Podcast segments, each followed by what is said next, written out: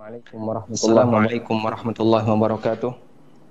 Alhamdulillahi rabbil alamin. Alhamdulillahi rabbil alamin. Wassalatu wassalamu ala asyrafil mursalin. Nabiyina wa maulana Muhammadin wa ala alihi wa sahbihi ajma'in. Wa ashhadu an la ilaha illallah wahdahu la syarika lah. Wa ashhadu anna Muhammadan abduhu wa rasuluh. Sallallahu alaihi wa ala alihi wa sahbihi wa sallama tasliman katsira. Thumma amma Alhamdulillah kita bersyukur kepada Allah Subhanahu wa taala dengan kebahagiaan di pagi hari ini. Kita bisa berjumpa melalui daring dengan Ustazuna Al-Ustaz Al-Fadil Dr. Syafiq Riza Basalama Hafizahullah Ta'ala. Yang di kesempatan kali ini beliau akan menyampaikan sebuah materi yang berjudul Tafsir Salat. Dan bagi Bapak Ibu ya. yang barangkali sudah memiliki bukunya, nanti bukunya bisa sambil dibuka-buka.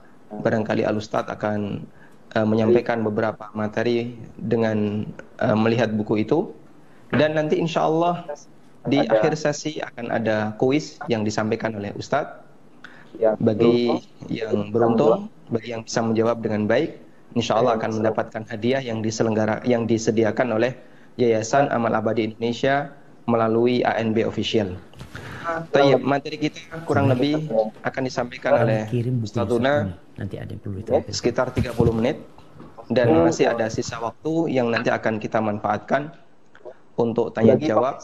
Bagi pemirsa yang ingin menyampaikan pertanyaan bisa disampaikan melalui nomor WA, hanya melalui nomor WA di nomor 081 dua dua satu lima enam tujuh delapan sembilan. Kami ulang. hanya melalui WA di nomor 081 221 56789. Baik, untuk memanfaatkan waktu, maka kita aturkan kepada Ustazuna Al-Ustaz Al-Fadil Syafiq Riza Basalamah untuk menyampaikan materinya kurang lebih 30. selama 30 menit. Wa ilaihi nah, wa ilaihi falyatafaddal mashkura. Jazakumullah khairan. Ustazana. Assalamualaikum warahmatullahi wabarakatuh. Alhamdulillah. Segala puji bagi Allah Jalla Jalaluh atas kesempatan yang Allah berikan kepada kita. Dan ucapan terima kasih buat Ustaz Aminur Ba'ith hafizahullah taala yang telah memberikan kesempatan buat ana juga untuk bisa mengkaji kitab beliau yang seharusnya beliaulah yang lebih pantas untuk mengkaji kitab tafsir salat ini jamaah yang ana memandangnya sebagai sebuah kontribusi besar buat umat Islam dalam memperbaiki ibadah salat mereka. Allahumma salli wa sallim ala sayyidina Muhammadin wa ala alihi wa ashabihi ajma'in. Ya Allah, semoga salawat dan salam senantiasa engkau curahkan untuk hamba kekasihmu, untuk baginda Nabi kita Muhammad alaihi salatu wassalam, untuk keluarga beliau, untuk istri-istri beliau, untuk putra-putri beliau, dan untuk seluruh sahabat Nabi. Semoga Allah meridhoin kita bersama mereka. Amma ba'd kitab ini nih. Yang harapan anak antum semua bisa memilikinya. Tafsir salat ya. Yang mungkin orang biasa membaca tafsir Al-Quranul Karim. Tapi ternyata salat yang kita lakukan. Bertahun-tahun kita melaksanakannya. Terkadang sampai hari ini Anda nggak usah ngomong orang lainnya Anda pun kadangkala nggak khusyuk dalam sholat. Masih terbebani dengan kewajiban sholat itu. Padahal kalau kita melihat Rasulullah Sallallahu Alaihi Wasallam, bagaimana beliau telah sampai kepada tingkatan mengatakan kepada Bilal bin Rabah, "Qum ya Bilal, fa'arih nabi salah." Bilal, bangun Bilal. Bangkitlah Bilal. Bikin kita istirahat dengan sholat. Jadi harapannya kitab ini memang mengantarkan kita kepada sebuah fase di mana seorang muslim tatkala dia lelah dengan pekerjaan dunianya tatkala dia capek dengan kesibukan-kesibukan yang berkaitan dengan dunia dia kembali kepada sholat dan menjadikannya tempat istirahat untuk dirinya. Kemudian jamaah Nabi alaihi salatu wassalam juga pernah menyampaikan Innar rajula la yusalli salata sittina sana. Ada orang yang sholat selama 60 tahun. Bayangkan 60 tahun sholat. Walam tuqbal lahu salat. Satu pun sholat yang ada yang diterima. Ini hadis riwayat Imam Tabrani dan hadis ini hasan. Apa masalahnya? Ternyata dia sholatnya asal-asalan. Yutimmu ruku'ahu wa la yutimmu sujudahu. Dia menyempurnakan rukuknya, sujudnya nggak sempurna. Sujudnya sempurna, rukuknya nggak sempurna. Yang penting dia sholat. Kenapa? Karena dia belum dapat memaknai bacaan-bacaan ruku. Bacaan-bacaan sujud. Sehingga dia terburu-buru untuk meninggalkan sholatnya. Di dalam kitab ini Masya Allah. Ustaz Amin Nurbaiz berusaha untuk menafsirkan atau menjelaskan tentang bacaan-bacaan yang engkau baca ketika engkau sujud. Yang engkau baca ketika engkau ruku. Sehingga orang itu dapat menikmati sholat tersebut. Ada apa mau buru-buru? Ada juga yang jadi masalah dia belum bisa mendudukkan sholat ini sebagai sebuah munajat hamba. Engkau ini sedang berjumpa sama Allah Azza wa Jal. Engkau sedang menghadap kepada pencipta dirimu. Kalau kita lihat nih, mungkin yang punya kitabnya bisa dibuka.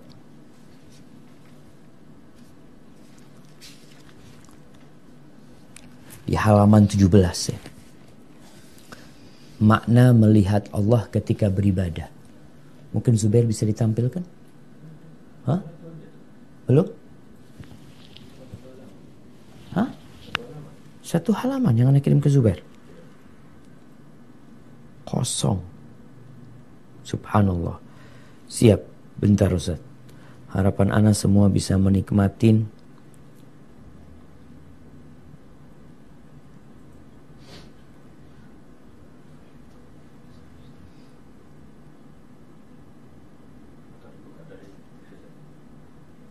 Kenapa?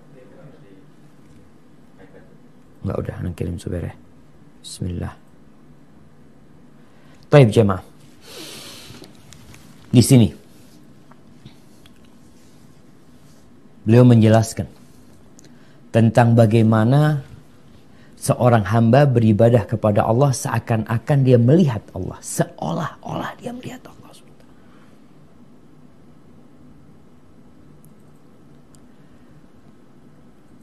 di halaman 17 ya. Di dalam hadis Jibril yang kita semua insya Allah udah pada faham tuh. Bagaimana ketika malaikat Jibril ngajarin kita tentang agama kita. Malaikat Jibril turun ngajarin kita tentang agama kita. Bagaimana beliau bersoal jawab dengan Nabi SAW lalu mengatakan akhbirni anil ihsan. Sampaikan kepada aku tentang ihsan apa kata Nabi wassalam? An ta'budallah ka'annaka tarahu. Mungkin bisa diperbesar Zubair. Tunggu jamaah. Biar antum yang nggak punya buku juga bisa melihatnya. Ya. Nah.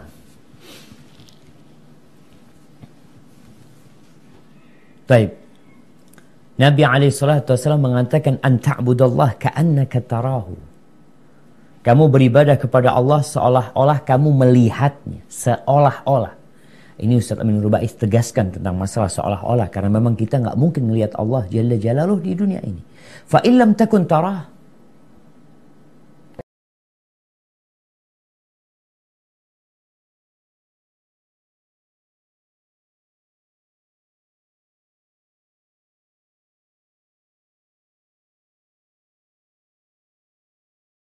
tingkatan. Yang pertama seolah-olah melihat Allah dan ini tingkatan yang paling tinggi. Yang kedua meyakini bahwa Allah melihatnya, memperhatikan semua amalnya. Jika dua hal ini tidak ada pada diri hamba ketika beribadah, maka dia akan meremehkan dan tidak serius ketika beribadah. Kita bisa memahami ihsan, tingkatan yang kedua, Lalu bagaimana dengan makna ihsan tingkatan pertama kamu beribadah kepada Allah seolah-olah kamu melihatnya. Di sinilah jamaah. Tatkala kita memahami apa yang kita baca dari mulai. Beliau akan menjelaskan dalam kitab ini dan mulai engkau berdiri, engkau menghadap ke kiblat.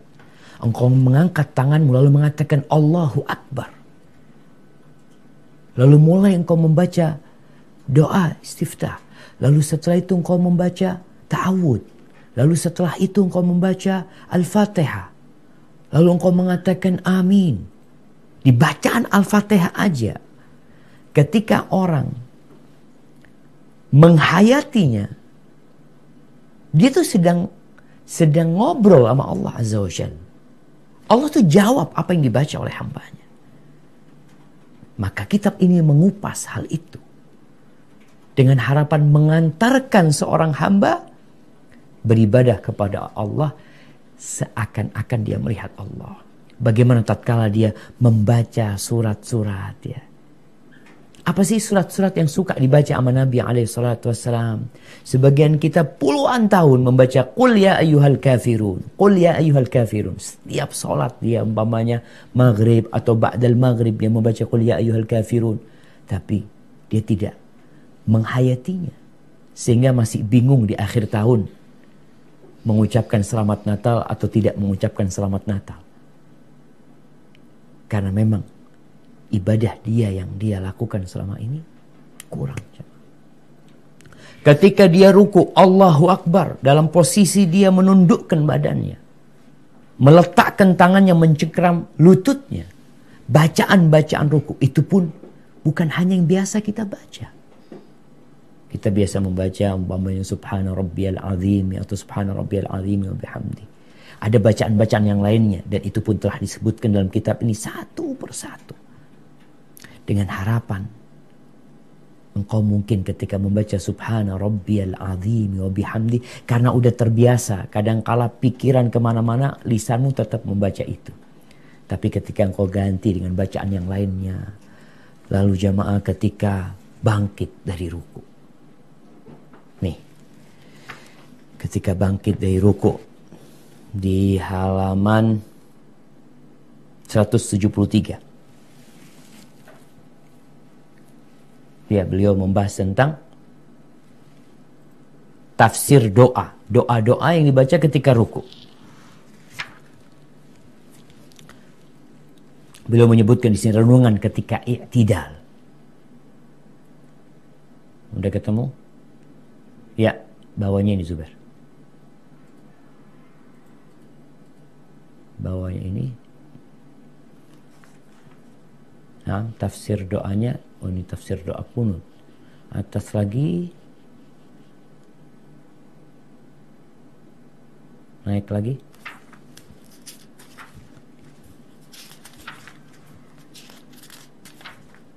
Nah ya bukan sumber doanya keturun turun Zubair.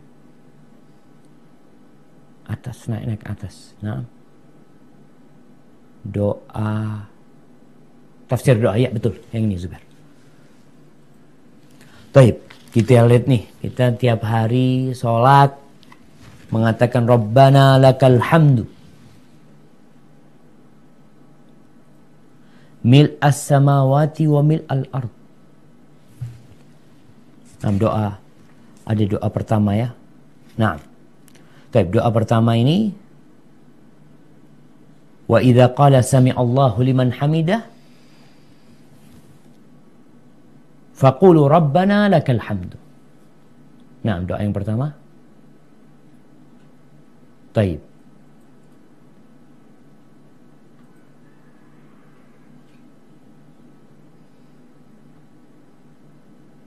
Nah, kayaknya naik ke atas, ya itu.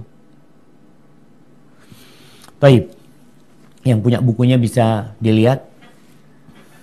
Bagaimana ketika imam mengatakan sami Allahu liman hamidah lalu kita mengatakan Allahumma rabbana lakal hamdu atau rabbana lakal hamdu. Ya Allah bagimu segala pujian. Segala pujian bagi Allah SWT engkau bisa bayangin engkau ruku engkau bisa mengangkat badan. Tegak lagi menghadap kepada Allah Subhanahu wa taala. Lalu memuji Allah Jalla Jalaluh. Di sini dijelaskan tentang tafsir dari pujian yang engkau bacakan buat Allah. Doa yang kedua. Nah, dan subhanallah ya, Ustaz Amhi ini uh, juga memberikan bacaan dengan huruf latinnya. Ini kayaknya beliau peduli dengan orang-orang memang yang tua-tua yang mungkin ya udah telat belajar belajar Qur'annya, kadang-kala buta huruf hijaiyah. Maka di sini kita melihat nih di halaman 172 ya, doa kedua.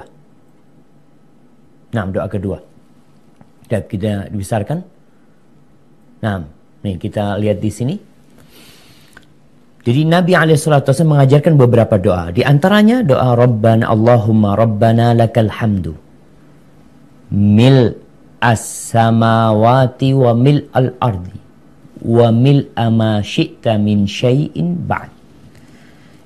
Ya Allah, Rabb kami, hanya milikmulah segala pujian seluas langit dan bumi. Serta seluas apa pun selainnya sesuai kehendakmu. Tapi jamaah rahimakumullah. Coba kita lihat di situ ada tulisan Latin ya. Rabbana lakal hamdu mil as-samawati wa mil al-ardi wa mil ma syi'ta min syai'in ba'd. Nasihat anak buat orang-orang yang mungkin tadi uh, sepuh ya sehingga sulit untuk belajar huruf hijaiyah udah telat mungkin ada yang uh, berat untuk dia, maka di sini ada bimbingan engkau membaca huruf Latin tapi nasihat anak ketika engkau membaca buku ini lalu menghafalkan doa ini lewat huruf Latinnya tolong disetorkan kepada orang yang mengerti. Karena kadangkala tulisan Latin sama tulisan Arab itu uh, beda ya pelafatannya itu perlu talakti. Jadi nanti mungkin uh, mudah-mudahan Ustaz Ami juga bisa uh, membuat uh, video mungkin ya tentang doa-doa ini sehingga orang yang tidak bisa membaca bisa mendengarkannya dan menghafalnya.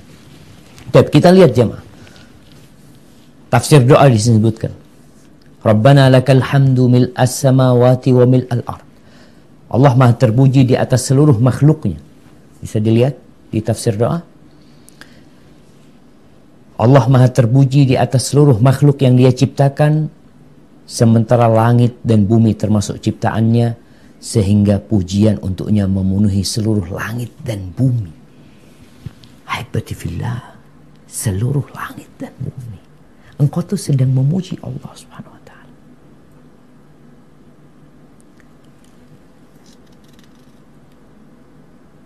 Kemudian Nah, dalam riwayat lain ini disebutkan ya ada tambahan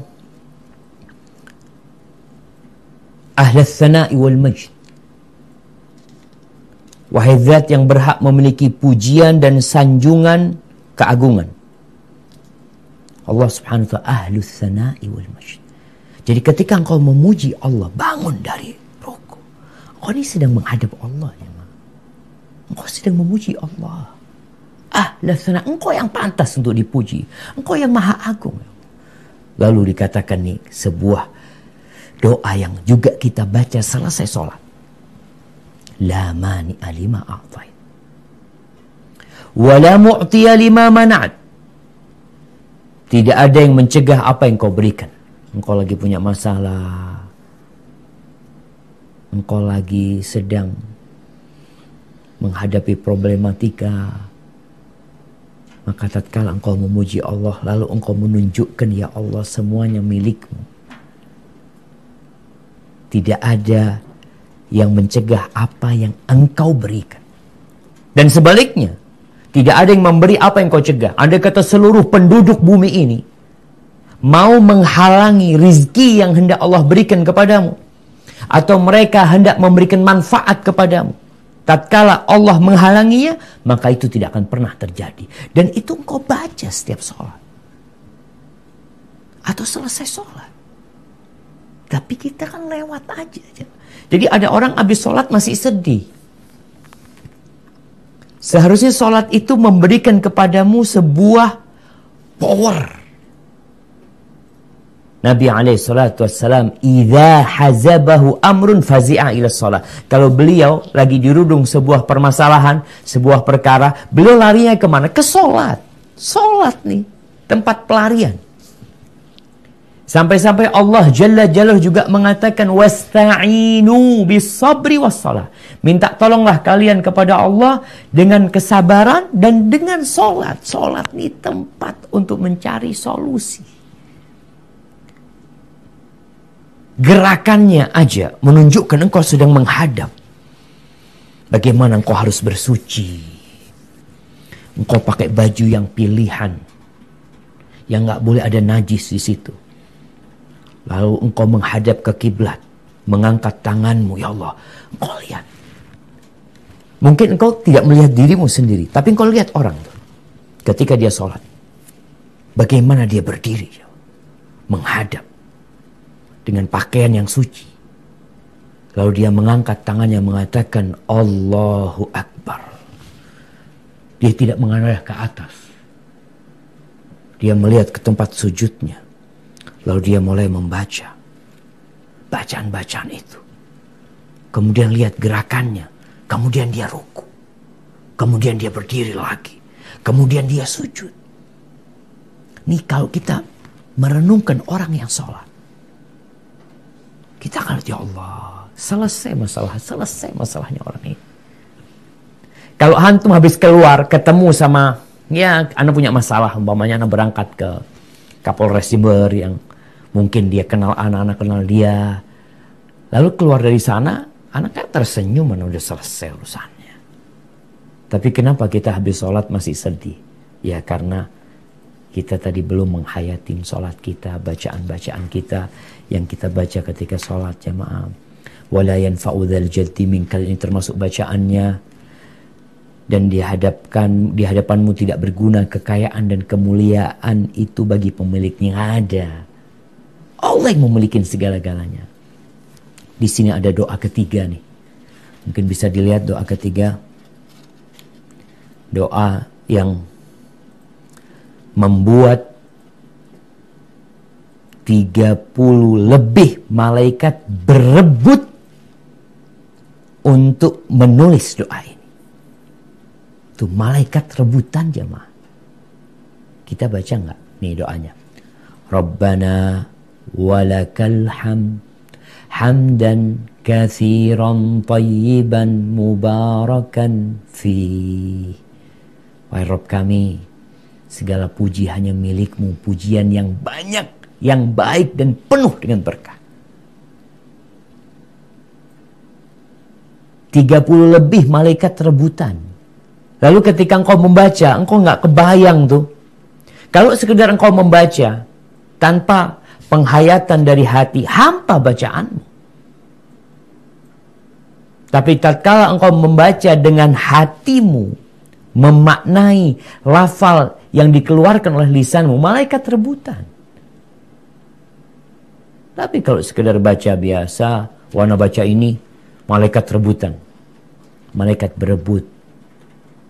Bukan hanya sekedar lafalnya.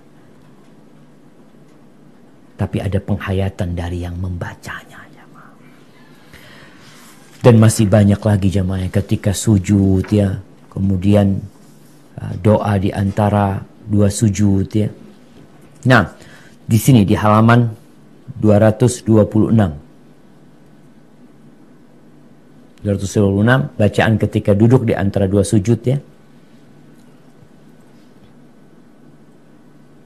Di sini sebutkan doa yang pertama. Nah, Rabbi ufilli warhamni wajburni warfa'ni wahdini wa'afini warzuqni. Ada tujuh bacaan nih. Rabbi ufilli warhamni wajburni warfa'ni wahdini wa'afini warzuqni. Tapi kemudian beliau menyebutkan tentang tafsir doa. Kalau bicara sumber doa insya Allah mungkin kita banyak mendapati di dalam kitab-kitab tuntunan sholat ya. Kalau kita baca kitabnya Syekh Albani rahimahullahu taala, ya engkau akan mendapatkan doa ini. Tapi yang ditekankan dalam kitab ini bukan masalah sumber doanya, landasannya. Yang tentunya kita nggak boleh beribadah kecuali ada landasannya. Tapi yang berkaitan dengan tafsir dari apa yang kau baca. Nih kalau kita bicara sekarang kondisi COVID, Orang kepingin sehat. Engkau di antara dua sujud itu minta sama Allah. Mengatakan afini, minta afia. Minta keselamatan, kesembuhan dari Allah SWT. Memang bacaan yang paling penting adalah Allahumma gfirli atau Rabbi gfirli, Rabbi gfirli. Itu yang terpenting. Minta ampun sama Allah SWT. Kemudian kita membaca doa-doa yang lainnya berkaitan dengan doa di antara dua sujud ini, apakah hanya ini Ustaz? Artinya nggak boleh nambahin. Ustaz Ami menyebutkan tentang doa-doa yang diriwayatkan dari Nabi alaihissalam dan itu yang ditafsirkan agar bacaanmu penuh dengan makna. Akan tetapi para ulama menyebutkan kalau doa ini mau ditambahin doa-doa yang lainnya yang kau meminta itu memang momen doa. Sebagaimana Syekh bin Bas rahimahullahu taala nak bacakan fatwa beliau mengatakan uh, wa in da'a li nafsihi wa li walidayhi qala Allahumma ighfir li wa li walidayya warhamni wa walidayya wal muslimin kullu la ba'sa bihi kulluhu du'a. Kalau dia sambil membaca doa-doa itu dia mau doa buat dirinya, buat kedua orang tuanya, buat umat Islam ya, maka itu nggak apa-apa. Karena itu semua doa. Ini berkaitan dengan doa di antara dua sujud ya ketika orang duduk. Tapi yang penting yang beliau tekankan adalah bagaimana doa-doa itu kita benar-benar memintanya dari Allah. Bukan hanya mengucapkannya. Bukan hanya mengucapkannya. Tapi memang memintanya. Kata Rasul sallallahu alaihi wasallam, Inna Allah la istajibu du'aan min qalbin lahin ghafil. Allah itu tidak mengabulkan doa yang sumbernya dari hati yang lalai, yang lupa, nggak hadir dia. Sebagaimana sholat pun seperti itu. Tapi, Ana rasa antum harus membaca buku ini jamaah. Ya nggak harus ya. Tapi nasihat ana lah.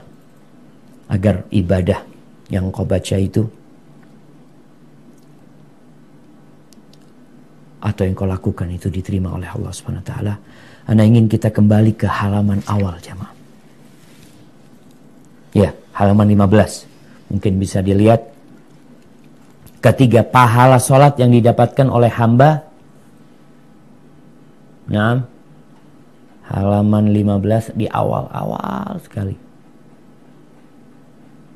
Nah, ini ini satu hal yang mungkin akan mendorong antum untuk memperbaiki solat Nah, pahala sholat di sini sebutkan Ustaz Ami mengatakan pahala sholat yang didapatkan oleh hamba mungkin bisa dilihat nah. Pahala sholat yang didapat oleh hamba setingkat dengan kualitas khusyuknya. Sebagaimana sabda Nabi alaihissalatu wassalam innal abda la yusalli salata ma yuktabu lahu minha illa ushruha tus'uha thumunuha, subu'uha, sudusuha, khumusuha, rubu'uha, thuluthuha, nisfuha. seorang hamba yang sholat, dia tidak mendapatkan pahala dari sholatnya kecuali sepersepuluhnya. Sepersembilannya, sepertujuhnya, seperenamnya, seperlimanya, seperempatnya, sepertiganya, atau setengahnya. Dan di halaman selanjutnya, di sini disebutkan riwayat lain dari ketangan Ibnu Abbas radhiyallahu anhu bisa dilihat. Nah, kayaknya halaman selanjutnya. Kok hilang nih jemaah? Iya. Di sini disebutkan laisa laka min salatika illa ma aqalta minha. Pahala dari salatmu hanya senilai apa yang kamu pikirkan dari salatmu. Masya Allah jemaah. Inilah yang mendorong kita sebenarnya untuk memperbaiki salat kita. Jangan sampai antum capek salat sholat subuh, sholat duhur, sholat asar, sholat maghrib, sholat isya. Ternyata antum sholat 17 rakaat kan. Kalau dihitung, yang akal antum hadir dalam sholat antum itu berapa persen? Kadang-kala cuma 10 persen. Jadi kalau 10 persen dari 17 rakaat, antum seakan-akan cuma dapat 1,7 jamaah. Hanya itu yang antum dapatkan. Padahal yang akan dihisap pada hari kiamat yang pertama dihisap sholat. Maka semoga kita berusaha, berupaya, berdoa agar Allah memberikan kekhusyuan kepada kita. Jadi kalau ada lagi yang tanya Ustaz gimana supaya khusyuk di sholat, maka baca kitab tafsir sholat yang ditulis oleh Ustaz Ami Nur Ba'ith ya. Hafizahullah ta'ala. Barakallahu fikum. Ustaz, anak rasa udah cukup Ustaz yang lebih berhak menyampaikan menjelaskannya kayaknya Ustaz Ami ya. Karena kalau Ustaz Ami jelaskan dari hati gitu loh jemaah. Barakallahu fikum. Taib jazakallah khair Ustaz Ana. Masya Allah Jazakallah khairan Ustaz Nampaknya beliau lebih paham dibandingkan penulisnya Masya Allah Taib sebenarnya uh, kalau kita anggap bahasanya tulisan itu adalah sebuah panggung, maka tulisan saya adalah panggung belajar. Sehingga di sini saya dan bersama para jamaah lagi bersama-sama belajar untuk mengenal seperti apakah khusyuk dalam sholat. Ada harapan besar sebenarnya buku ini saya ingin sekali bisa menulisnya sejak lama. Karena dulu saya pernah tinggal di sebuah kontrakan. Kemudian di masjid dekat kontrakan itu banyak jamaah masjid itu yang ikut kegiatan sholat center.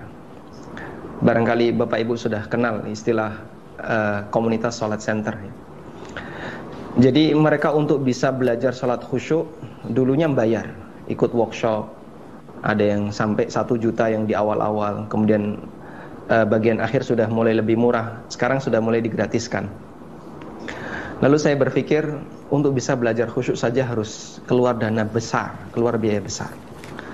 Dan saya minta cerita kepada mereka yang sudah mengikuti workshop tentang sholat center. Ada jawaban yang berbeda-beda. Jadi saya tanya, gimana sih caranya agar bisa khusyuk dalam sholat? Ada yang mengatakan, ya ketika ketika sholat kita membayangkan seolah-olah kita itu berada di luar angkasa ada yang ngasih jawaban ketika sholat kita membayangkan seolah-olah di depan kita itu ada Ka'bah. Ada yang menjawab seolah-olah di depan kita itu ada uh, apa suasana serba putih ya, tanpa ujung. Jadi aneka bayangan yang mereka hadirkan ketika sholat. Lalu saya menyampaikan apakah ini yang disebut dengan khusyuk dalam sholat yang bisa mereka dapatkan dari hasil workshop itu?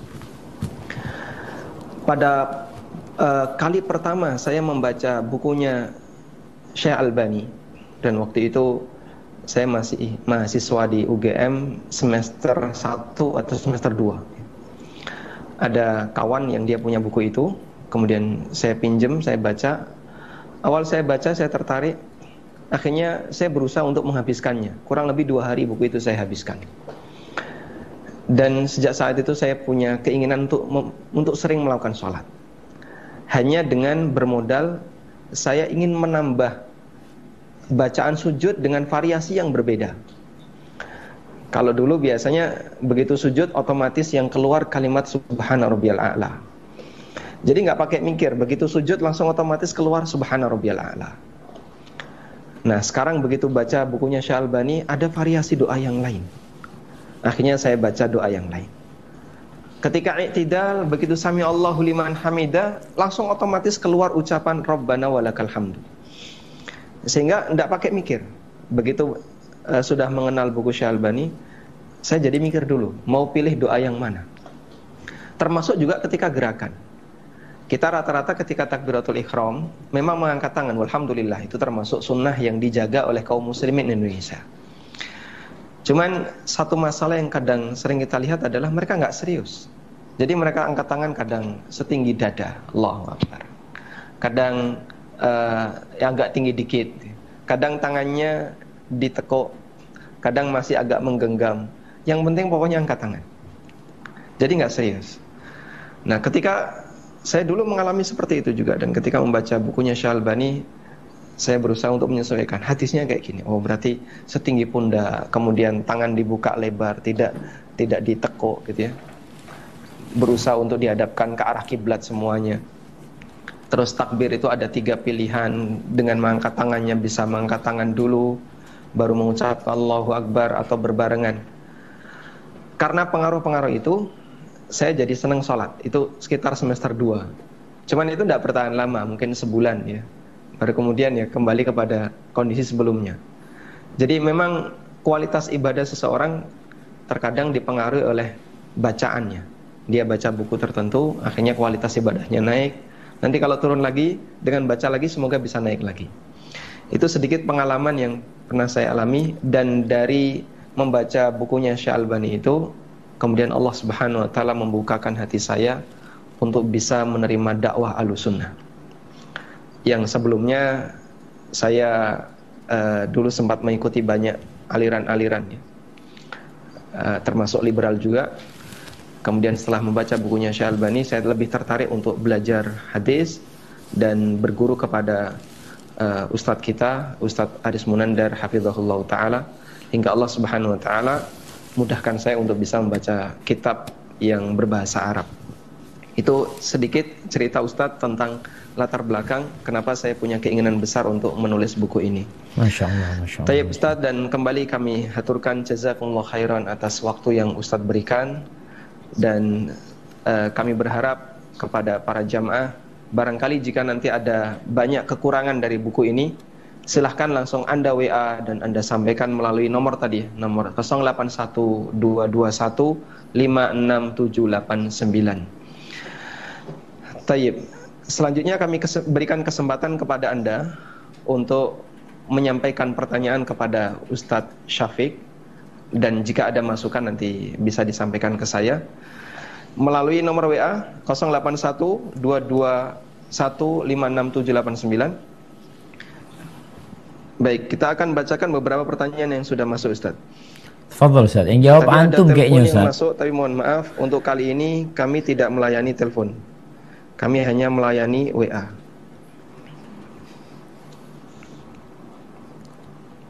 Nah.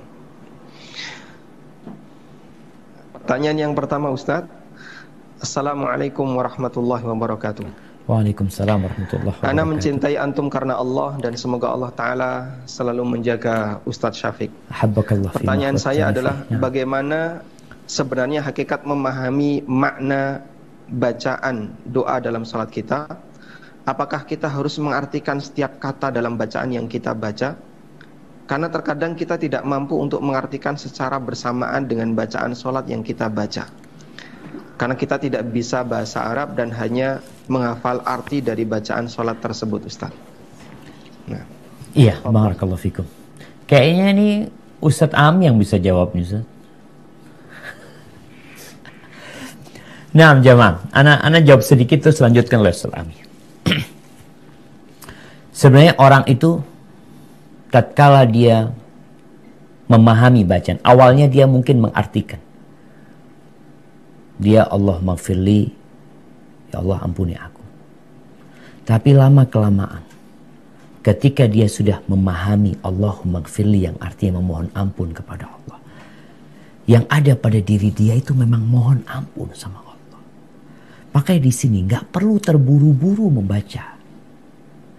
Kalau engkau terburu-buru membacanya, ya gimana mau menggabungkan yang namanya uh, memaknai bacaan itu yang engkau cepat-cepat membaca. Memang orang membaca subhana rabbiyal a'la wa bihamdi.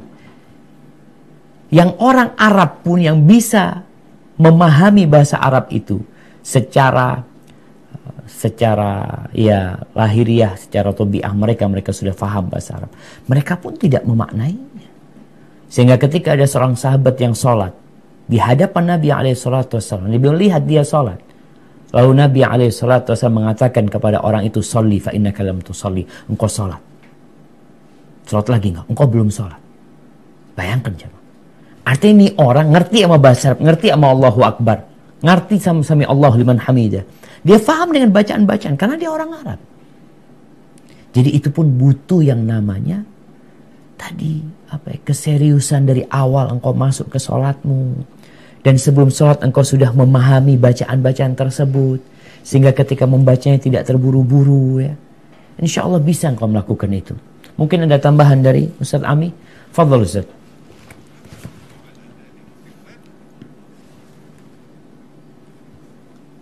Ya, apa yang disampaikan Ustadz Syafiq sudah sangat mencukupi ya.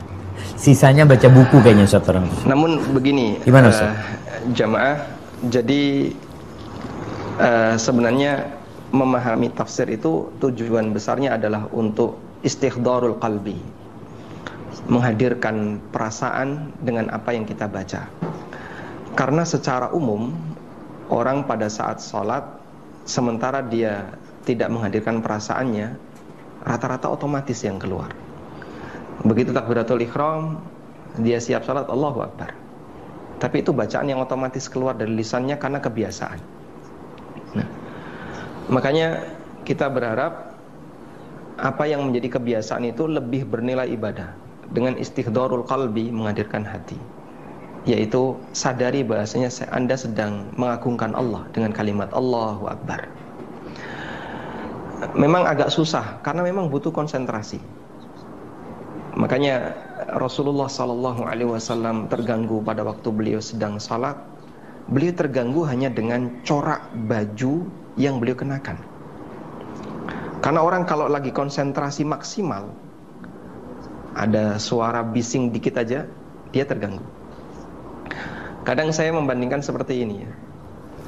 Kita kalau lagi baca WA, lagi baca berita di warung, di kafe, suasana bising, di sini ada orang yang ngeband, di sini ada orang yang ngobrol, di sini ada orang yang nyanyi kita nggak merasa terganggu. Kenapa? Suasana batin kita tidak serius, tidak khusyuk. Jadi baca berita kan tidak perlu khusyuk, tidak perlu serius. Kita baca sambil santai. Sekarang coba bandingkan dengan orang yang sedang mengerjakan ujian kalkulus 3. Ujian matematika. Butuh dia untuk ngitung. Dia butuh untuk menyempurnakan rumus, menyelesaikan rumus. Di suasana yang bising dia tidak bisa. Makanya biasanya ada pengumuman harap tenang ada ujian. Kenapa yang satu ketika membaca berita dibuat santai bisa, yang satu membaca soal ujian dibuat santai tidak bisa. Karena semangat istighdorul qalbi beda. Makanya kalau kualitas sholat kita diganggu banyak suasana, kita nggak merasa terganggu.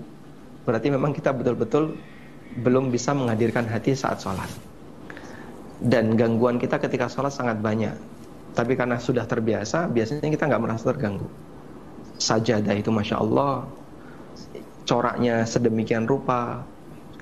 Kadang kita sholat dengan sajadah yang banyak apa gambarnya nanti jadi tebak gambar. Ini ulo apa ulat gitu ya. Ini manuk apa apa. Jadi dan kita tidak merasa terganggu. Padahal Nabi SAW dulu merasa terganggu. Makanya di sini kita sama-sama butuh belajar. Saya belajar, Bapak Ibu juga belajar. Intinya uh, ada beberapa tafsir doa itu agar sedikit menambah apa uh, menambah kekuatan kita dalam menghadirkan hati saat kita membaca. Oh, saya tahu istighfirli itu maknanya seperti ini. Kalau saya tahu maknanya takbir itu kayak gini. Ya. Nah, kadang ketika serius di beberapa sholat kita sanggup, di beberapa sholat yang lain sudah mulai luntur. Maka perlu untuk dicat lagi agar bisa kembali semangat. Wallah a'lam. Ah, Ustaz ya, saya Masya Allah, barakallahu fikum Ustaz. Jazakumullah khair Ustaz. Bisa membantu untuk memahami. Wallahu taala alam. Barakallahu fikum Ustaz. Ustaz. Ini ada pertanyaan berikutnya Ustaz. Pertanyaannya kalau dilihat dari nomornya nampaknya dari USA. Assalamualaikum warahmatullahi wabarakatuh. Waalaikumsalam warahmatullahi wabarakatuh. Semoga Allah memberikan keberkahan dan perlindungan buat Ustaz Syafiq dunia dan akhirat. Allahumma amin. Artinya banyak dosa yang mengotori hati. Tidak konsentrasi dalam sholat selalu menghadang. Tapi di hati juga menangis ingin berusaha bisa khusyuk namun sulit. Apa nasihat Ustaz untuk langkah dalam sholat? Ustaz, terputus-putus barusan Ustaz. Kayaknya jaringannya barusan Ustaz. Mungkin bisa diulangin Ustaz. Baik Ustaz, saya menggunakan suara lewat Skype ya, lewat Skype ya. Ini ada pertanyaan kalau lihat dilihat dari nomornya lihat dari USA. Assalamualaikum warahmatullahi wabarakatuh. Waalaikumsalam warahmatullahi wabarakatuh. Semoga Allah memberikan keberkahan dan perlindungan buat Ustaz Syafiq di dunia dan di akhirat. Allahumma amin. Akhirat ya. Makanya, pastinya banyak dosa yang mengotori hati, tidak konsentrasi dalam sholat selalu menghadang. Menghadang. Tetapi hati juga menangis ingin berusaha bisa khusyuk, namun sulit. Sulit. Apa nasihat Ustadz untuk langkah awal meraih kekhusyuan ketika sholat. Jazakumullah khair. Barakallahu fikum. Nah, jamaah, kalau tadi Ustaz Ami menjelaskan ya tentang pentingnya istihbarul qalb menghadirkan hati kita, perasaan kita. Tapi gimana kita menghadirkan hati yang hati itu kotor? Hati itu penuh dengan nokta-nokta hitam yang membuat akhirnya bacaan-bacaan yang kita baca itu nggak tembus dalam hati. Maka ada usaha untuk membersihkan hati terlebih dahulu. Kenapa kita disyariatkan istighfar? Rasulullah Sallallahu Alaihi Wasallam saja sekali duduk, beliau itu istighfar seratus kali. Maka di sini ada proses kadangkala yang perlu dilakukan untuk membersihkan hati kita agar mudah hati itu dapat hadir konsentrasi tatkala kita sholat. Maka nasihat anak ketika antum tahu dengan kondisi diri antum yang penuh dengan dosa dan kita semua pelaku dosa jamaah. Kita semua pelaku dosa. Sehingga berapa banyak dosa-dosa kita yang menghalangi kita dari menikmatin ibadah kita. Orang bisa bermunajat dengan nyaman. Orang bisa meneteskan air mata. Orang bisa berlama-lama doa dalam sujudnya. Doa sebelum salam. Kita kepingin sholat kita selesai. Karena dosa. Maka yang harus antum lakukan kalau bicara langkah awal. Ya bukan sekedar kita membaca buku tersebut. Bukan sekedar memaknai bacaan kita. Tapi yang terpenting dari semua itu adalah usaha kembali kepada ucapan Ustaz Ami istihbarul qalb menghadirkan hati itu dan hati kita dibersihkan dulu jamaah dengan bertobat dengan istighfar kemudian antum mulai juga dengan mudah-mudahan nanti ada ada mukaddimah tentang wudhu. Bagaimana ketika antum berwudhu? Kata Nabi SAW ketika hamba itu membasuh wajahnya. Ketika antum membasuh wajah antum. Dalam wudhu untuk sholat. Jadi ini babnya sholat ini wudhu. Di situ Nabi SAW menjelaskan akan gugur dosa-dosa ikut tetesan air yang terakhir yang menetes dari wajahnya. Dosa-dosa yang dilakukan oleh mata. Ini pintu dosa. Ketika dia membasuh tangannya, akan berguguran dosa-dosa yang dilakukan oleh tanganmu dengan air wudhu itu jamaah atau dengan tetesan terakhir ketika engkau membasuh kakimu.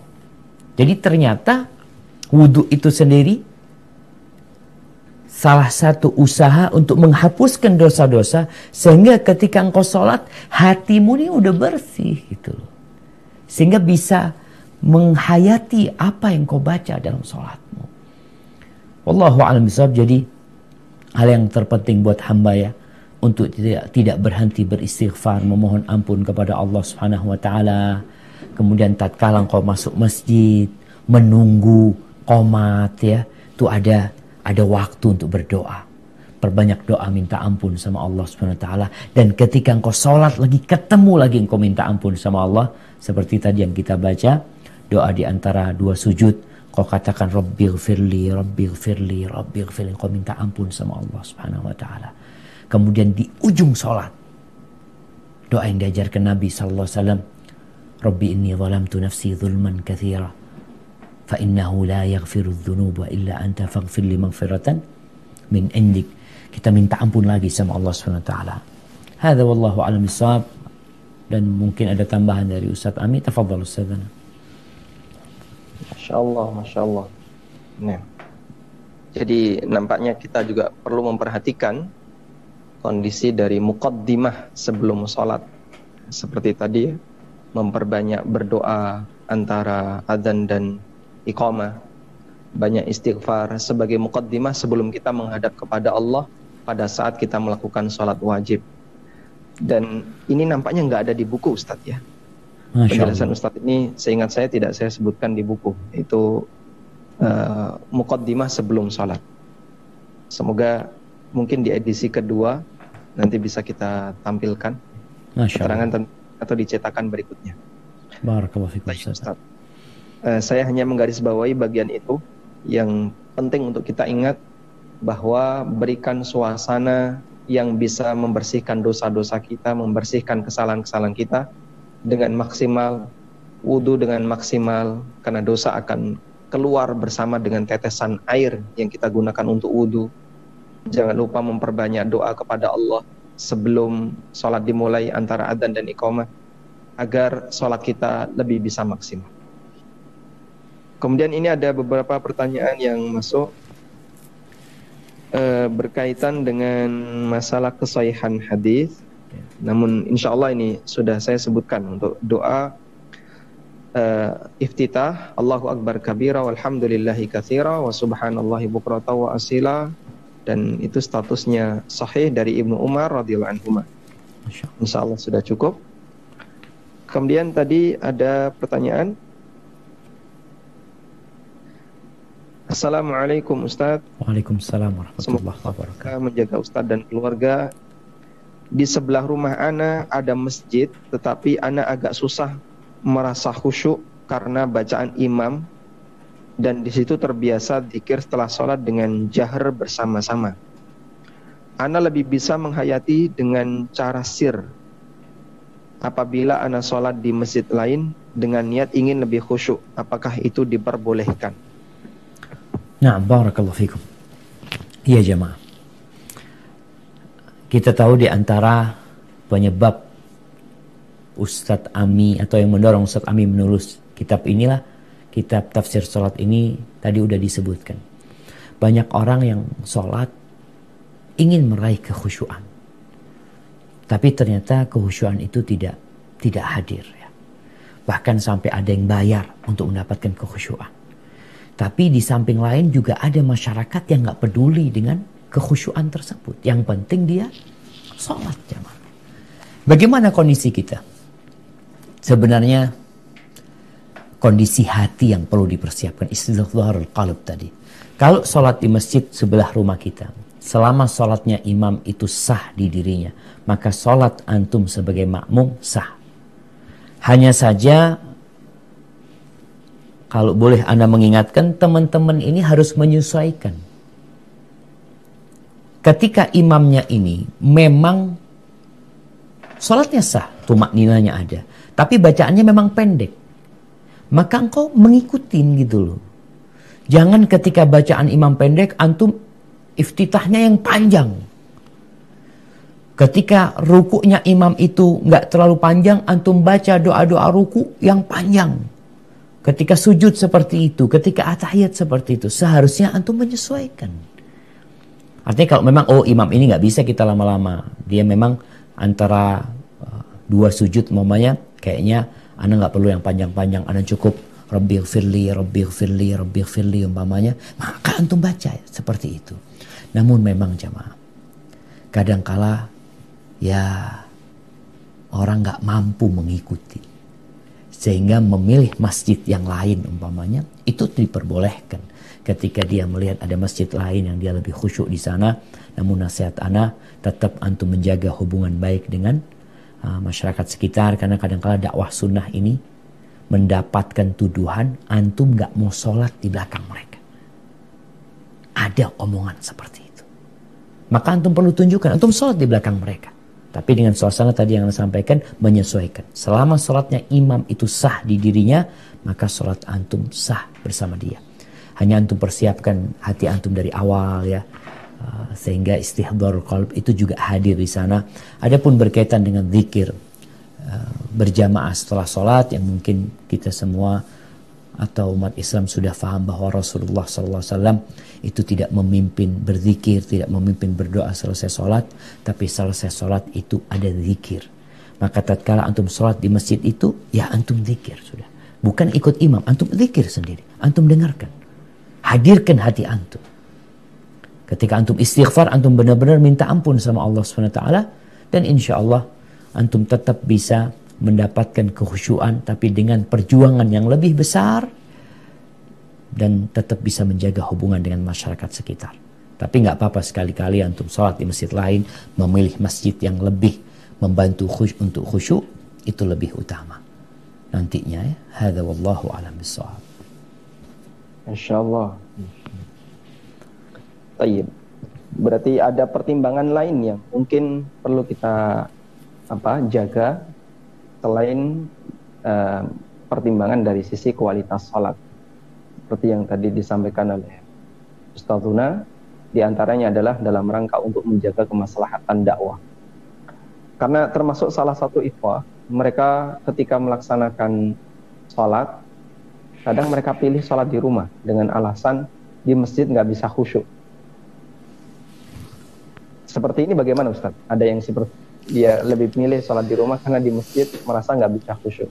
Kadang kala di rumah juga nggak khusyuk juga dia. Jadi intinya tadi artinya yang disampaikan Ustadz kan udah jelas bagaimana istihbarul qalb tadi. Jadi bicara kekhusyuan itu bagaimana menghadirkan hati antum. Ustadz memberikan contoh di dalam kitabnya ini berkaitan dengan kisah sahabat Nabi ya yang dia dipanah jamaah dalam kondisi dipanah pun darah itu mengucur, dia tetap khusyuk. Dia nggak ingin memutus sholat. Jadi kadangkala suasana itu pun tidak membuat dia terganggu ketika hati dia sedang menikmati apa yang dia beli. Dia tahu dia sakit nih. Itu sahabat sampai berdarah-darah. Subhanallah. Jadi insya Allah tetap bisa dilakukan. Asalkan tadi istihdar qalb antum benar-benar hadir ya. Persiapan dari awal tadi udah benar ya. Kemudian juga suasana hati ketika ke masjid tuh memang orang aduh nggak enak sholat di sini ini tuh. Ya antum akhirnya tidak enak akhirnya. Tapi tatkala antum menciptakan kondisi ini kembali lagi kepada uh, kekuatan hamba untuk mendapatkan pertolongan Allah Subhanahu wa taala. Tatkala lingkungan dan kondisi itu tidak mendukungmu, maka ciptakan lingkungan dan kondisi yang mendukung. Jadi kita yang harus menciptakannya. Kalau memang mau nggak mau, mau gimana? Memang seperti itu tempatnya. Bukan akhirnya antum sholat di rumah. Karena tetap kita diperintahkan untuk datang ke masjid-masjid di mana dikumandangkan adzan di sana. Tapi sekali lagi, apabila sholat imamnya itu sah di dirinya, maka buat makmum sholatnya sah. Hada wallahu alam Menurut Ustaz gimana Ustaz? Mungkin ada tambahan dari Ustaz nih sama Ustaz. Ada pelajaran yang uh, saya teringat pelajaran yang pernah disampaikan oleh Syekh Syekh Dr. Utsman Al-Khamis ketika beliau mensyarah hadis Nabi sallallahu alaihi wasallam salat sampai kakinya bengkak. Kemudian kenapa beliau kakinya bengkak dalam kondisi sholat sementara beliau tidak terasa? Sebenarnya terasa beliau. Cuman ketika orang itu lagi serius fokus dengan satu hal yang tertentu, maka sakit yang umumnya itu berat jadi terasa lebih ringan. Lalu beliau kasih gambaran kayak gitu. Antum misalnya lagi nolong orang yang sedang jatuh atau kecelakaan, ya.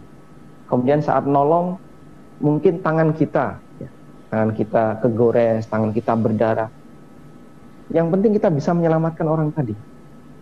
Begitu selesai uh, suasana, orang mengingatkan, itu Pak, tangannya berdarah itu. Kita baru ngeh kalau tangan kita berdarah, kita baru sadar kepala kita berdarah setelah diingatkan oleh orang. Kenapa saat tadi berdarah kita tidak begitu perhatian? Karena kita sedang fokus di satu hal tertentu. Nah, termasuk juga pada saat Nabi Shallallahu Alaihi Wasallam sedang sholat sampai kakinya bengkak, karena beliau saking fokusnya dengan sholatnya, meskipun ada suasana yang ganggu, yaitu sakitnya kaki karena bengkak, tapi itu ringan, bahkan sampai tidak terasa. Mungkin itu juga yang uh, dari kisah yang disampaikan oleh Ustaz Syafiq, ada sahabat yang tadi dipanah sampai mengucur darah dalam jumlah yang banyak, karena dia fokus dengan ayat yang dia baca dan dia tidak mau memutusnya maka ini dianggap sesuatu yang remeh Hada Allah alam Ustaz. Ini mungkin yang uh, pernah saya dengar dari penjelasan Syekh Utsman. Alhamdulillah. Masya Allah Ustaz. Ini uh, ada apa? Uh, diingatkan oleh kru karena kita menghormati uh, apa waktu dengan Ustadz nampaknya kita beralih ke kuis Ustaz atau tanya jawabnya sudah selesai kita beralih ke kuis Ustaz. Di sini alhamdulillah kami sediakan ada lima hadiah. Mungkin Ustaz bisa menyampaikan beberapa pertanyaan untuk para jamaah. Baik, barakallahu fikum Ustaz. Masya Allah, zakallah khair ya. Ya jamaah. Ana benar-benar tadi mendapatkan pelajaran indah juga dari Ustaz Ami berkaitan dengan ketika orang uh, menolong orang lain ya kemudian tubuh dia tergores, dia nggak merasakan itu jamaah subhanallah. Memang tatkala dia fokus kepada sesuatu, kadangkala hal-hal yang mungkin menyakiti dia tidak terlalu dia pikirkan. Subhanallah. Baik, berkaitan dengan uh, kuis ini, Anda, Anda mungkin kasih dua aja Ustaz. Jadi Ustaz bisa melanjutkan insya Allah. Kuis yang pertama, ini jawab langsung ini Ustaz, atau gimana Ustaz? Nanti jawabannya melalui WA Ustaz. Oh lihat kalau melalui WA bisa nyontek mereka Ustaz. Jadi boleh nyontek Ustaz? Boleh Ustaz. Boleh open book dan open video. Baik, uh, pertanyaan yang pertama ya, kuis yang pertama ini mungkin sebutkan tiga bacaan ruku yang biasa engkau baca. Jadi ini Nah, yang bisa jawab ini yang baca ya. Jadi walaupun open book ingat pertanyaannya sebutkan tiga bacaan ruku yang biasa engkau baca. Kalau yang biasa dibaca ya. Ya, yang bisa dibaca oleh dia Ustaz. Sorry, nah, bukan. Dibaca nggak ada di buku, tidak apa-apa Ustaz ya. Kalau dia baca di buku, nanti dia baca. Yang penting dia niat mau membacanya nggak apa-apa Ustaz. Baik. Itu pertanyaan yang pertama. Baik, Pertanyaan yang kedua, antum harus open book nih memang nih. Sebutkan lima tingkatan orang dalam sholatnya. Ini ditulis oleh Ibnul Qayyim rahimahullahu ta'ala. Beliau menyebutkan lima tingkatan, antum masuk level yang mana? Jadi antum sebutkan lima tingkatan ini, lalu sebutkan antum masuk level yang mana. Itu. Baik, kemudian pertanyaan yang terakhir dari anak sebutkan apa yang mendorong Ustadz Aminur Baif untuk menulis kitab tafsir sholat. Tadi udah beliau sampaikan di video itu. Halo wallahu alam untuk dua kuis yang selanjutnya Ana serahkan kepada Ustadz Ami. Ustadz kayaknya Ana mohon undur diri nih Ustadz. Nah Ustadz, tafadhal Ustadz. Jazakumullah khairan Ustadz Barakallahu fikum ana sungguh sangat bergembira bisa jumpa sama antum walaupun lewat video ini. Mudah-mudahan Allah segera mengangkat COVID-19 sehingga Anda bisa ke Jogja lagi Ustaz dan Antum bisa ke Jember lagi. Jazakumullah khairan. Jazakumullah khairan. Jazakumullah khairan Ustaz. Jazakumullah khairan. Wa iyyakum Lebih bahagia uh, dibandingkan yang bisa kita bayangkan Ustaz.